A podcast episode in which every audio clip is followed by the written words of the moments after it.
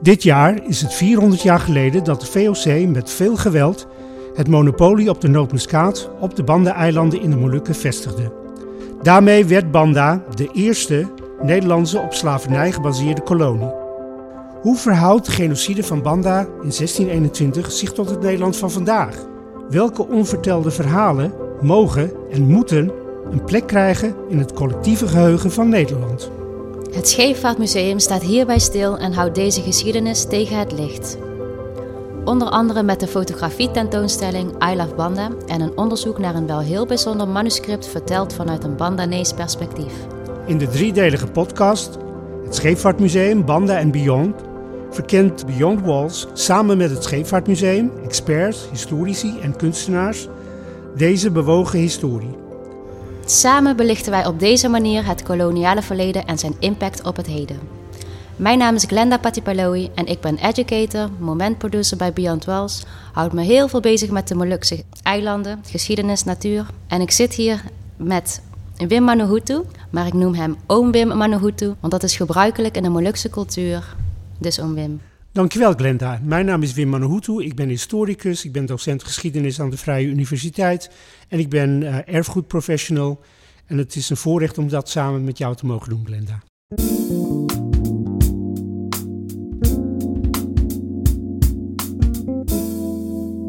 In deze tweede aflevering van de Drieluik, het Scheepvaartmuseum Banda en Beyond, spreken we met Nancy Jouwe over het aspect van de slavernij. Niet alleen als het gaat om Banda, niet alleen als het gaat om het manuscript, maar eigenlijk in breder perspectief. Banda speelde een belangrijke rol in de geschiedenis van de mondiale slavenhandel. In 1621 ontstond op Banda na de slachting onder Koen door de VOC de eerste plantagesamenleving, een op slavernij gebaseerde kolonie. Tot slaafgemaakten kwamen uit alle windstreken, van Ambon, Kei, Aru tot Papua en zelfs India. Banda laat zien hoe actief de VOC een rol speelde in de slavenhandel. We gaan hier dus verder op in met uh, Nancy Jouwe. Nancy Jouwe is cultuurhistoricus, onderzoeker, publieke spreker, publicist en docent. Met haar werk focust zij onder andere op intersectionaliteit, de koloniale geschiedenis, kunst en erfgoed. Nancy Jouwe's achtergrond is rijk aan vrouwenstudies, cultuurgeschiedenis en haar inzet voor Papua-kwesties, vrouwenrechten en de Papua-diaspora. Ook in deze aflevering zal ik haar tante Nancy noemen. Uh, ja, tante Nancy, welke specifieke rol speelde Banda in de mondiale slavenhandel en hoe kreeg dit vorm? Ja, dat is een, grote vraag meteen. Um, ja, ik, ik, denk dat je misschien wel een beetje heel simpel kan zeggen dat het uh, uh, Nederlandse betrokkenheid bij uh, slavenhandel en slavernij min of meer begon bij Banda. Want ehm, ja, de VOC ontstond in 1602. 1621 ontstond de West-Indische Compagnie. En ja, meestal relateren Nederlanders de slavernij, slavenhandel aan de WIC. Um, maar de VOC was eigenlijk uh, al vrij vroeg uh, daar ook mee bezig in de Indische Oceaan. En als we het over aantallen hebben van uh, tot slaafgemaakten die vervoerd zijn onder Nederlandse vlag, dan hebben we het ook ja, over dezelfde aantallen minstens uh, voor ja, wat er vervoerd is in de transatlantische slavernij en in de Indische Oceaan. En de Indische Oceaan, dat is echt de, de VOC. Dus die was een hele grote speler. Alleen dat, dat, dat is een, een besef wat, uh, ja, wat, wat nog maar mondjesmaat op gang is gekomen. En daar binnen dat verhaal is Banda eigenlijk een soort ja, je zou bijna kunnen zeggen, een soort startpunt.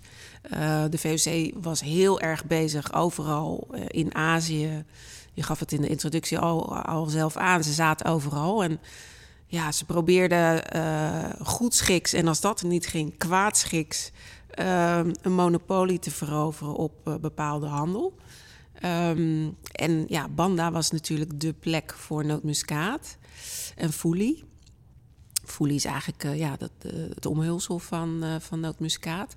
En dat was uniek voor de Banda-eilanden. Het was alleen daar te vinden. Nou ja, uh, specerijen waren eigenlijk het goud van de 17e eeuw. Dus dat wilde je hebben. En, en uh, nou, de VOC had al veel uh, onderhandeld met Bandanese mensen en deals proberen te sluiten. En dat ging steeds niet goed. Vanuit de Nederlandse optiek gezien, ja, hielden die Bandanezen zich dan niet aan afspraken. Um, en op een gegeven moment ja, moest er dan dus maar ingegrepen worden. Dat was eigenlijk het idee. En uh, in Amsterdam woonde Jacques Lermite, een belangrijke speler, die eigenlijk al in 1612 zegt: van nou, we moeten hard ingrijpen uh, op Banda. Maar uiteindelijk is dat een aantal jaar later pas echt gebeurd met, met JP Koen. Ja. Misschien nog heel even terug naar die aantallen. Want misschien heeft niet iedereen dat uh, scherp op, op het netvlies. Praten we over 100.000 mensen, 200.000 mensen die in het gebied onder de VOC op een gegeven moment in slavernij zijn geraakt? Of is het nog meer? Ja, Nee, is een goede vraag. Ja, als, meestal wordt eh, het getal 600.000 aangehouden voor de transatlantische slavernij. Waar, die, uh, hè, waar zeg maar onder Nederlandse vlag tot slaafgemaakten zijn vervoerd. Dus vanuit vooral West-Afrika naar alle delen van de Amerika's. Hè. Dan heb ik het over Noord-Amerika, uh, Nieuw-Amsterdam, de Cariben, maar ook Brazilië. Um, maar voor de VOC hebben we het eh, tussen de half miljoen en misschien wel een miljoen mensen. Dus ja, echt hele grote aantallen. Waarom we het nog niet zo precies weten, is omdat we. Uh, omdat onderzoekers daar, uh, ja, eigenlijk niet zo heel veel onderzoekers er uh, echt nog mee bezig zijn. En er moet wat dat betreft nog, nog heel veel onderzocht worden. Is dat dan ook de reden dat het komt dat de slavernij in de Oost minder bekend is in het collectieve geheugen? Omdat minder mensen daarmee ja, aan de slag zijn? In de research ja. field. Ja, nee, klopt. Dus enerzijds zijn er minder onderzoekers, uh, misschien echt heel specifiek met slavernij bezig zijn. Er zijn natuurlijk heel veel onderzoekers die juist uh, over Nederlands-Indië en uh, dat soort zaken hebben geschreven, maar niet per se over slavernij specifiek. Dus als je aan Indo's of Molukkers dit vraagt, dan denken ze ook niet aan slavernij. Want dan, nou, dat was letterlijk um, bij Radio Oras vroeg een van de uh, programmamakers van ja, slavernij, wat hebben Molukkers daarmee te maken?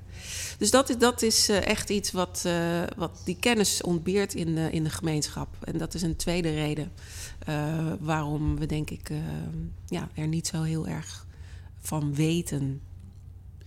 En als we dan naar Banda kijken, naar, na 1621, dan praat ook heel duidelijk over een slavensamenleving. Dat is iets anders dan een samenleving waar ook tot slaafgemaakten zijn.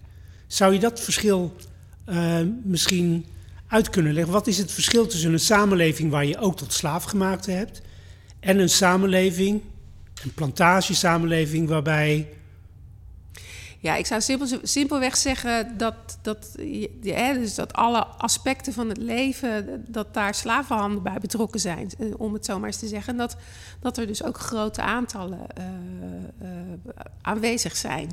Um, nou ja, ik moet zeggen, ik, ik ben, ben, een aantal keer op de Molukken nu geweest.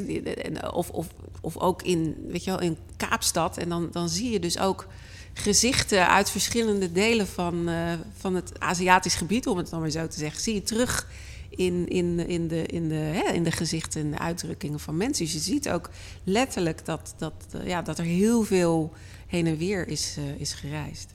Maar zo zou ik het denk ik het best uitleggen.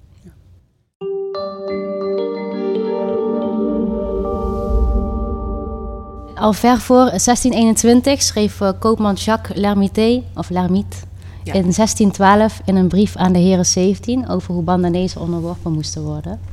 Omdat zij niet vertrouwd konden worden en weg moesten. Um, ja, totale onderwerping of uitroeiing was het devies met een voorkeur voor het laatste. Tante Nancy, wat zegt dit stuk eigenlijk? Um, ja, Jacques Lermite die uh, pleit eigenlijk gewoon voor uh, extreme maatregelen. Al in 1612 uh, op Banda. Uh, niet goed schiks dan maar kwaad schiks. En, uh, want die Bandanezen, ja, die houden zich maar niet aan afspraken. Dus dan uh, moet er maar ingegrepen worden. Dus het, het, het, gebruik van geweld was eigenlijk heel geoorloofd. in deze, ja, vanwege de handel. En ja, dus dat, dat is natuurlijk eigenlijk extreem. dat, dat, dat wordt gezegd. Maar um, ja, je ziet ook hoe, hoe, die specerijenjacht een soort een eigen vorm van goudkoorts was, als het ware. En je ziet in dit, dit fragment eigenlijk ook al de opmaat naar die slavernij. Hè? Want als die oorspronkelijke bevolking of verdreven is of dood, dan, dan zegt uh, Lermite en anderen zeggen dat uh, ook. Dan heb je natuurlijk andere mensen nodig om die uh, nootmuskaat te plukken. Nou ja, en die andere mensen, dat hebben we gezien. Dat zijn dus duizenden, maar ook duizenden tot slaafgemaakten die overal vandaan werden geplukt. Wat je heel vaak ziet bij onderwerpen zoals slavernij is dat mensen heel anoniem zijn en dat ze eigenlijk heel passief zijn. En klopt dat beeld eigenlijk? Klopt het beeld dat mensen die tot slaaf gemaakt werden, dat die nooit verzet pleegden of andere dingen probeerden te doen? Want we weten bijvoorbeeld uh, dat mensen op schepen, bijvoorbeeld ook schepen die naar Banda gingen, dat ze natuurlijk soms wel degelijk probeerden om, uh, om te ontvluchten ja, je had bijvoorbeeld het VOC-schip de Delftland, die uh, door uh, de VOC Delft uh, was in opdracht van de VOC Delft, mijn geboortestad, was gebouwd. En dat, dat is typisch zo'n zo'n schip waar mensen in opstand zijn gekomen. Die werden illegaal verscheept richting Banda. En um, um, ja, zo zijn er eigenlijk heel veel verhalen. Uh, en dat, dat zijn eigenlijk pas ook nu verhalen die wat meer onderzocht en naar boven komen. dus op slaafschepen werd er heel veel uh, opstanden. Uh, er waren er veel opstanden, maar ook op plantages, in het huishouden. uit het boek van Reggie Bay lezen we ook, er is een hoofdstuk waarin eigenlijk op basis van 80 rechtszaken uh, eigenlijk naar boven komt hoe ook tot slaafgemaakten die als ja, bedienden in de huishouden zaten, dat die dus ook ja, hun eigenaren hebben vermoord bijvoorbeeld of vergiftigd op allerlei manieren. En die werden ook extreem heftig gestraft. Ehm, dus nou, je, ziet, je ziet eigenlijk heel veel opstanden. En onlangs is nog een heel interessant boek uitgekomen. Bloed in de rivier van Marjoleine Kars.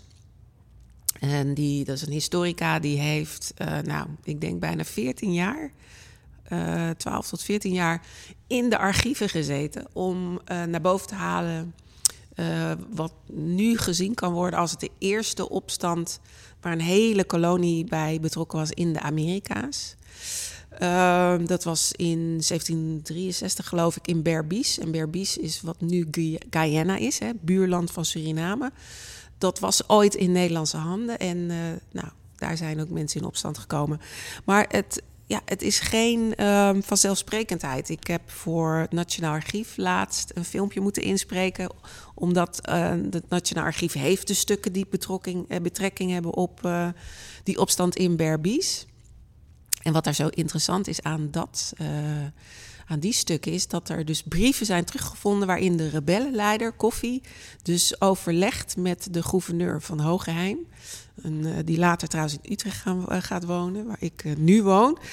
Um, en um, ja, dus daar zie je de stem van, van een, een, een, een leider die tot slaaf gemaakt is. Um, zie, je dus, ja, zie je dus eigenlijk onderhandelen in die brieven. Dus het zijn hele ja, bijzondere uh, vondsten. Maar ja, daar heb je heel veel tijd voor nodig om dat uh, te onderzoeken. En, en, en dus die Nationaal Archief, die vroeg dan van, nou kan je daar wat over vertellen? En dan, dan moet ik eigenlijk helemaal terug naar de basis. En de basis is, waarom komen mensen in opstand op plantages? En dan denk ik, ja, dat lijkt me toch logisch. Maar voor heel veel Nederlanders is dat dus helemaal niet uh, iets om, ja, om, eh, waar ze over nadenken. Dus dan moet je het ze echt uitleggen. Ja, maar ze werden heel slecht behandeld. Ze kregen zweepslagen. Uh, nou ja, het, de vrouwen werden constant verkracht en moesten baby's baren van hun slavenmeesters. Ik bedoel, het was dus gewoon ook een, gruwelijke omstandigheid om in te verkeren. En dat ging om hè, miljoenen mensen uiteindelijk. En um, ja, dat is ook heel, heel uh, duidelijk om uh, iets om, om je te beseffen. Maar ook dat, ja, dat mensen daar dus tegen in opstand kwamen. Maar die archieven, hè, dat, zijn, dat zijn wel allemaal archieven vanuit het westerse perspectief. Die worden echt geschreven door, uh, ja, door, ja, door westerse mensen. Um, bent u ook um, archieven tegengekomen waar dat niet zo is? Waar, waar het verhaal, over tot slaafgemaakte vanuit ja, het perspectief van tot slaafgemaakt is, in plaats van erover? Want um, u vertelt net over uh, mensen kwamen in opstand, uh, kregen straffen. Wat voor documentatie zijn dat dan? En wat zegt dat dan over hoe er alleen maar naar tot slaafgemaakte wordt gekeken? Ja, nee, dat is, ja, dat is een goede vraag en ook ja, best een grote vraag. Maar um, ja, archieven zijn inderdaad geen neutrale plekken. Dus die uh, worden geproduceerd en daar staan stukken in van mensen die de macht hadden. Dus die hebben uh, ja, de belang bij om bepaalde falen wel en bepaalde falen niet te bewaren. Um, dat ten eerste. Um, maar ten tweede zie je natuurlijk wel in die stukken soms die tot slaafgemaakte tot leven komen. Dus dat voorbeeld van die rechts, rechtszaken en de stukken daarbij. Of um, nou, die slavenopstand in Berbice, waar ik het net over had, waarin dus ook brieven van de rebellenleider uh, Koffie, uh, ja, zijn stem in die brieven dus uh, wel degelijk ook naar voren komt. Ehm, ja, dat zijn eh, unieke bronnen natuurlijk. Ja, je moet ook creatief zijn, terwijl je wel ook bij de feiten blijft. En ook nou, wat weten we en op basis daarvan kun je, wat kun je dan ontwikkelen? En iemand als uh, Sadia Hartman, een eh, heel ervaren uh, uh, historica, die, uh, die noemt dat critical fabulation met een moeilijk woord. Maar dus dat je dus ook nadenkt over, dat je fantaseert wat het zou geweest kunnen zijn, maar fantaseren op basis wel van kennis.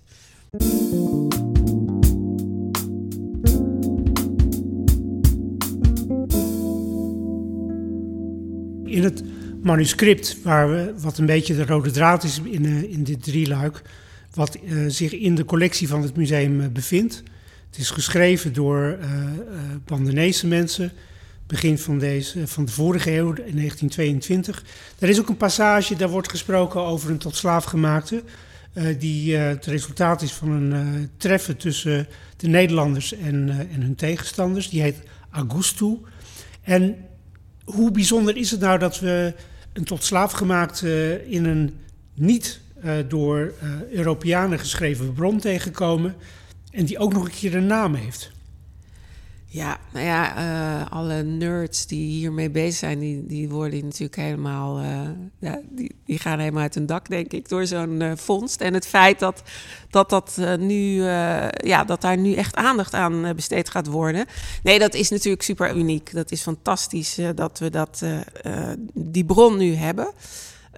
en heel belangrijk, um, omdat je daarmee ook aantoont dat mensen um, wel degelijk ideeën hadden, um, um, een reflectie hadden um, op de situatie uh, om, om hen heen. En, uh, en dat er inderdaad dan ook opgeschreven hebben. Nou ja, je zou dit misschien ook kunnen zien hè, als een orale traditie die opgeschreven is. maar het is super uniek en, en daardoor echt heel, heel bijzonder. En het ja, toont ook aan dat, uh, dat hier ook over nagedacht werd. Ja, het doet mij denken aan uh, de memoires ehm, van Wangen van Bali. Uh, een tot slaaf gemaakte man die uh, op Flores werd geboren en vanuit Indië ook als tot slaaf gemaakte man werd meegenomen naar Nederland, net als Augusto dus blijkbaar. Um, en die heeft zijn memoires opgeschreven. En dat is ook ja, echt, echt een uniek uh, document. Dus dat, dat soort documenten zijn, uh, zijn voor Nederland, uh, nou, komen eigenlijk nauwelijks voor. In de Verenigde Staten komt het natuurlijk vaker voor. Dat heeft ook te maken met het feit dat slavernij natuurlijk ergens anders plaatsvond. en niet hier, zeg maar. in, in, de, in de, de metropool in, de, in Nederland zelf. Zou het manuscript nou eigenlijk een, een mooie toevoeging of kunnen hebben om, om Augustus een gezicht te geven en ook om, om, om, het, uh, ja, om kolonialisme anders aan te kaarten? Ja, dat denk ik zeker. Ik bedoel, kijk, ehm, tot slaafgemaakte was een abstracte groep. Het was zonder gezicht, zonder licht, ja, eigenlijk zonder identiteit. En uh, Augusto is, is iemand die uh, identiteit geeft aan uh, zo'n slavenbestaan. Het feit dat het een jongetje was. We weten niet precies hoe oud, maar nou, dat gebeurde dus heel vaak. Hè? Dat ook toch ja, jonge kinderen, dat die dus meegenomen wordt. Um, ja, dat die dus later weer terug, teruggenomen wordt naar Banda. Waar hij dan ook een soort mediation rol krijgt. Hè? Omdat hij dan de beide talen spreekt nou ja, dat, dat, dat maakt natuurlijk dat zo. En dat, dat is een typische rol die je vaker ziet. Je ziet dat ook in de Cariben terug. Ook in uh, was, uh, was een vrouw die uh, ook tot slaaf gemaakt was in, in de, in de Kaapkolonie. en en ja, die precies ook zo'n rol moest spelen als Augusto dus ook speelt, speelde. Um, ja, dan, dan krijg je echt, uh, dan krijgt zo'n verhaal meer een identiteit, een, een gezicht, een, een, een, verhaal. Ja. Waarom is dit verhaal van uh, Augustus bijvoorbeeld en dit manuscript, waarom is dat nu in 2021 belangrijk? Ja, nou ja, ik, als ik uh, kijk naar mezelf toen ik begon me wat meer te verdiepen in slavernij, dat was 2010 denk ik toen nog eigenlijk vooral als programmamaker en lokaal in de stad Utrecht. Ik was uh, um, daar werkzaam in de culturele sector en ik dacht, nou laten we eens wat aandacht besteden. Toen had niemand het daarover. Uh, nou, nu, tien jaar later, uh, is er veel meer. Ja, leven we echt in een ander moment, uh, zou je kunnen zeggen. Dus dit, dit is ook ja, bij uitstek het moment om, om Augusto echt een ja, gezicht te geven. Dus ook nog weer een verdiepingsslag te geven aan wat is dan die Nederlandse geschiedenis en de relatie met slavernij. Uh, hij geeft dat, uh, ja, denk ik, echt een verdiepingsslag uh, nu. Waarbij bijvoorbeeld ook scholen, educatie, dus kinderen die in Augustus leeftijdscategorie dan hebben verkeerd, Ehm, ja, lagere school of middelbare school, dat die dan ook uh, ja, zich kunnen gaan identificeren met dit verhaal.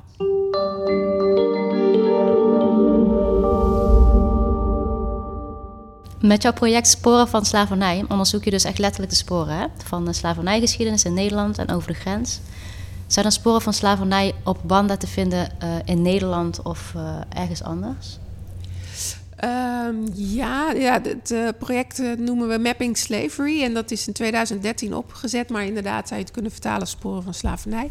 En um, ja, we hebben in ons Amsterdamse gids iemand uh, op, op de Amsterdamse begraafplaats ligt iemand begraven die, die op Banda werkzaam was.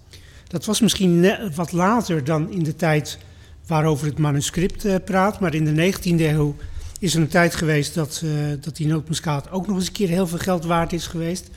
En toen is er een familie geweest, de familie Hartog. Die was zo rijk dat ze twee hele grote stadsvilla's hebben laten bouwen op de Weteringschans. Dus vlakbij het Rijksmuseum. En de ene heette Banda en de andere heette Nera. Helaas uh, zijn die panden er niet meer, dus die zijn begin 20e eeuw neergehaald. Uh, dus die sporen zijn weg, maar er is dus nog wel een familiegraf in Amsterdam ja, bijvoorbeeld. En die familie is, uh, ja, is rijk geworden en die voelde zich zo verbonden met Banda dat ze hebben officieel toestemming gevraagd. En die, er, er, is dus in Nederland een familie die heet de familie Hartog van Banda. En dat zijn allemaal nazaten van die familie, het Perkaniersfamilie, want zo heten die plantagehouders.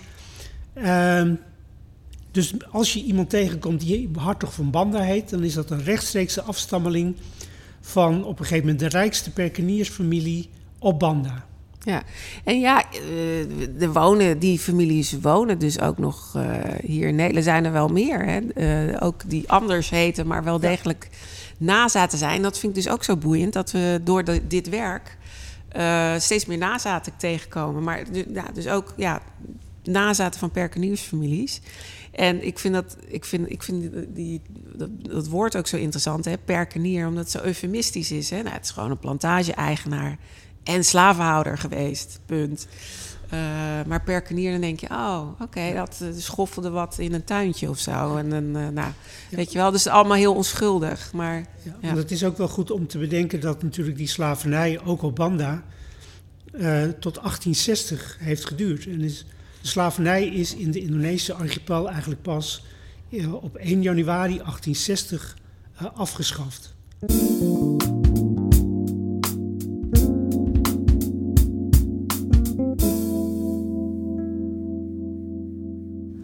Hoe kan het manuscript bijdragen aan een uh, meer inclusieve representatie van het verhaal over banden?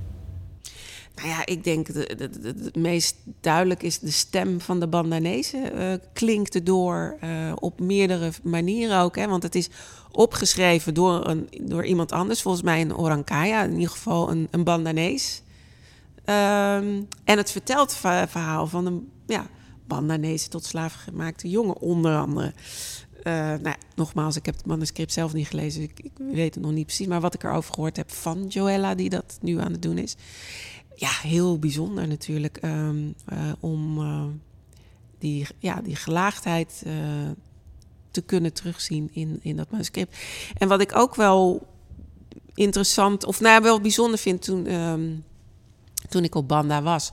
Mensen merk, mer, je merkt ook aan mensen dat ze hun eigen geschiedenis uh, ook wel weten, vaak nog. En uh, dat ze zichzelf ook niet alleen maar zien als slachtoffers. Dat is super belangrijk. Hè? Dus dat ze ook die trots hebben van we've overcome slavery. Hè? Wij zijn de, de nazaten daarvan. Dus, en dat vind ik ook heel sterk. Wat vond ik heel belangrijk om te horen. Dus, en dan, dat hoor je ook eigenlijk pas als je daar dan bent. Hè? Als je mensen zelf daar, uh, daarover spreekt. Net noemde je een mooie, ter een mooie term. Uh, ik weet niet meer hoe dat uh, luidt. Maar uh, dat je met archieven en dus creativiteit ja. Uh, toch een gezicht kan geven aan, uh, ja. aan uh, tot slaafgemaakte. Critical maar, fabulation. Dat was het. Wat een critical formula? Fabulation. fabulation. Oh, fabulation. Ja, fabulation. Huh? Van, van Bear Fabulous. Klinkt zo. Natuurlijk is dat jouw vertaling. Dat snap ik ook helemaal. Ja. Critical dat, dat fabulation. Is, is trouwens best een leuke vertaling. Maar ja, to, to fabulate. Hè. Dus, dus daarover... Ja, maar dan geef je men echt... Um, maak je ze echt mens. Ja, precies. Making precies. people people. Ja. Nou ja, om een voorbeeld te geven. Je weet dat tot slaafgemaakte gevangen zijn genomen, op een schip zijn gezet en maanden uh, op een boot zaten, op een schip zaten waar ze nauwelijks gelucht werden, nauwelijks uh, goed te eten kregen, uh, onder meest verschrikkelijke omstandigheden. Dus daar kan je wel iets over zeggen, al heeft, heeft niemand dat echt letterlijk op zitten schrijven van nou we werden nooit. Hè, dus dat bij wijze van spreken kun je daar al allerlei dingen over bedenken. Dus dat, is, dat, dat, dat, dat hoort daarbij. Dat hoort bij die critical fabulation. En Sadia Hartman, um, die uh, op Barnard uh, College onder andere in New York City lesgeeft, die, ja, die heeft daarmee echt prachtige, maar ook hele wetenschappelijk overtuigende boeken geschreven ja. Maar, maar ook in fictie zie je dat terug. Hè? Reggie Bai heeft nu net weer ook een fictieboek over, over een tot slaaf gemaakte vrouw geschreven. Nou, iemand die daar natuurlijk de Nobelprijs mee heeft gewonnen is Toni Morrison. Hè? De, de, de, de, de boek uh, Beloved gaat helemaal over slavernij. Alhoewel het woord nauwelijks wordt gebruikt, maar het gaat daar helemaal over. Je wordt helemaal in dat verhaal getrokken. Dus ja, ook creatives, denk ik, zij hebben een hele belangrijke rol. Mooi, inspirerend. Ja. Ja, dit sluit dus heel mooi aan op uh, decoloniseren op een creatieve manier. En uh, ja, in de volgende aflevering gaan we dus uh, in op decolonisatie en hoe je hier binnen en buiten de museummuren aandacht aan kan geven op een inclusieve manier. Tante Nancy, dank u wel. En ik ben geïnspireerd. In deze aflevering hebben we het vooral gehad over de slavernij. Heel duidelijk gehoord van Nancy Jouwen hoe die slavernij op Banda eigenlijk uh, het begin is van, uh, van grootschalige slavernij. Uh, niet alleen in, in Azië, maar ook in, in de Amerika's, zou je kunnen zeggen. En ik denk dat het verhaal van Banda en het verhaal van slavernij in zijn algemeenheid niet vaak genoeg verteld kan worden. En als het dan ook via zo'n manuscript kan, waar ook de uh, slavernij wordt benoemd, is dat denk ik alleen maar des te belangrijker.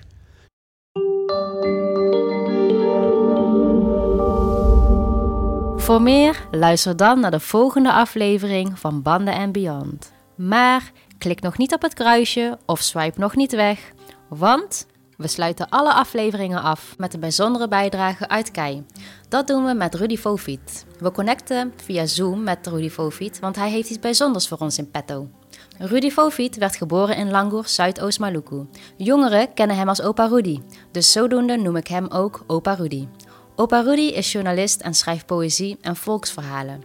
Hij zet zich actief in voor de jongeren op onder andere Ambon, de Middenmolukken en Kei. De voorouders van opa Rudy komen uit Banda en zijn gescheiden geraakt van Banda Eli en Banda Elat. Al 15 generaties lang wonen zij op Kei in het dorp Nyongov. De verwanten van Banda Eli en Banda Elat zijn islamitisch en de familie Fofit is katholiek geworden. De onderlinge banden op Kei zijn sterk en tot op de dag van vandaag altijd onderhouden. Hi Opa Rudy, you've read the story of Augustus in the manuscript. Can you tell us more about the story and how you think about it? Now, the history always tell about the main actor, actor. But the story never note about many people beside. Now, Augustus is one uh, of not actor. Then the history forget about Augustus. So thank you for uh, Neirabati because Neira may uh, note uh, about uh, August. Uh, August sailed to Netherlands and back to Banda again. I think uh, not only about Kun, not only about orang kaya, but much about people, about farm, about fishermen, about sailor. Yeah, fortunately, but we, we know about Augustus now, Augustus from Banda. so I say thank you to uh, Neirabati. You wrote a poem especially for this podcast. Can you tell us something what inspired you to write it and about the poem? Uh, I must uh, close my eyes. I must back to the past. I sail to the Banda. I must uh, went to the Dutch. I back to Banda again. I met uh, many golden in the pocket. I make a watch in the in the hand and shoe in the feet. I walk to the people and I explain about the people in the ship and uh, Oranje Nassau. I told to Banda people they are good people, they are traders. Rudy Fofit now. I am Augustus. Uh, I must sing I am Augustus and I can write it. I tell about something good. I, I tell about uh, peace. The good people in the ship, they are not a killer. Augustus say to the people. Well, Oparudi, I think you made us very curious. So please grab the mic and now you hit it. Nairabati. Back to 400 years ago. I read now.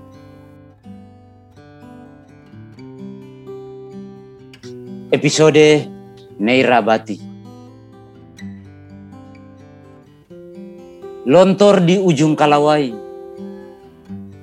Biji mata tembus tirai tikam di deru pulau ai. Biarkan harum run berderai.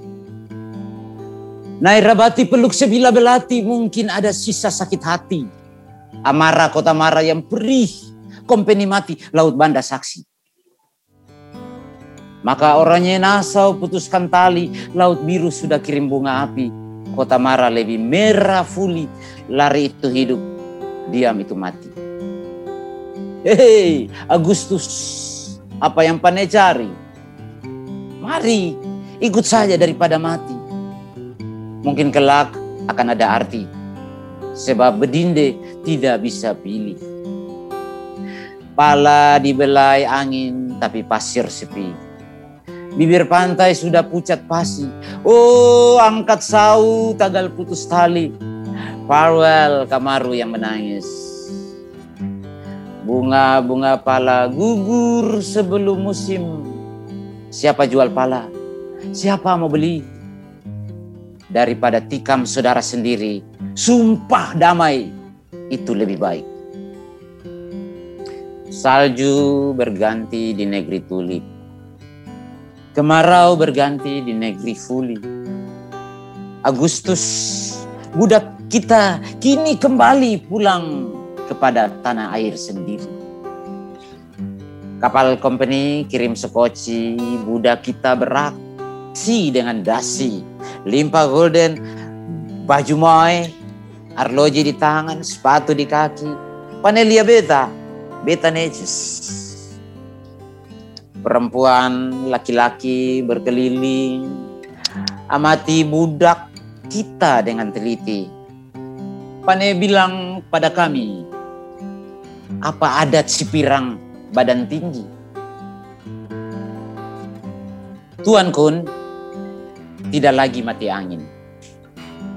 Turun memandang hijau dengan iri. Siapa yang iris kekasih kami? Pada pohon mana dia berdiri? Tuan Kun tatap mata Nerabati. Ingin dia iris tipis-tipis. Asap naik. Kampung mandi api.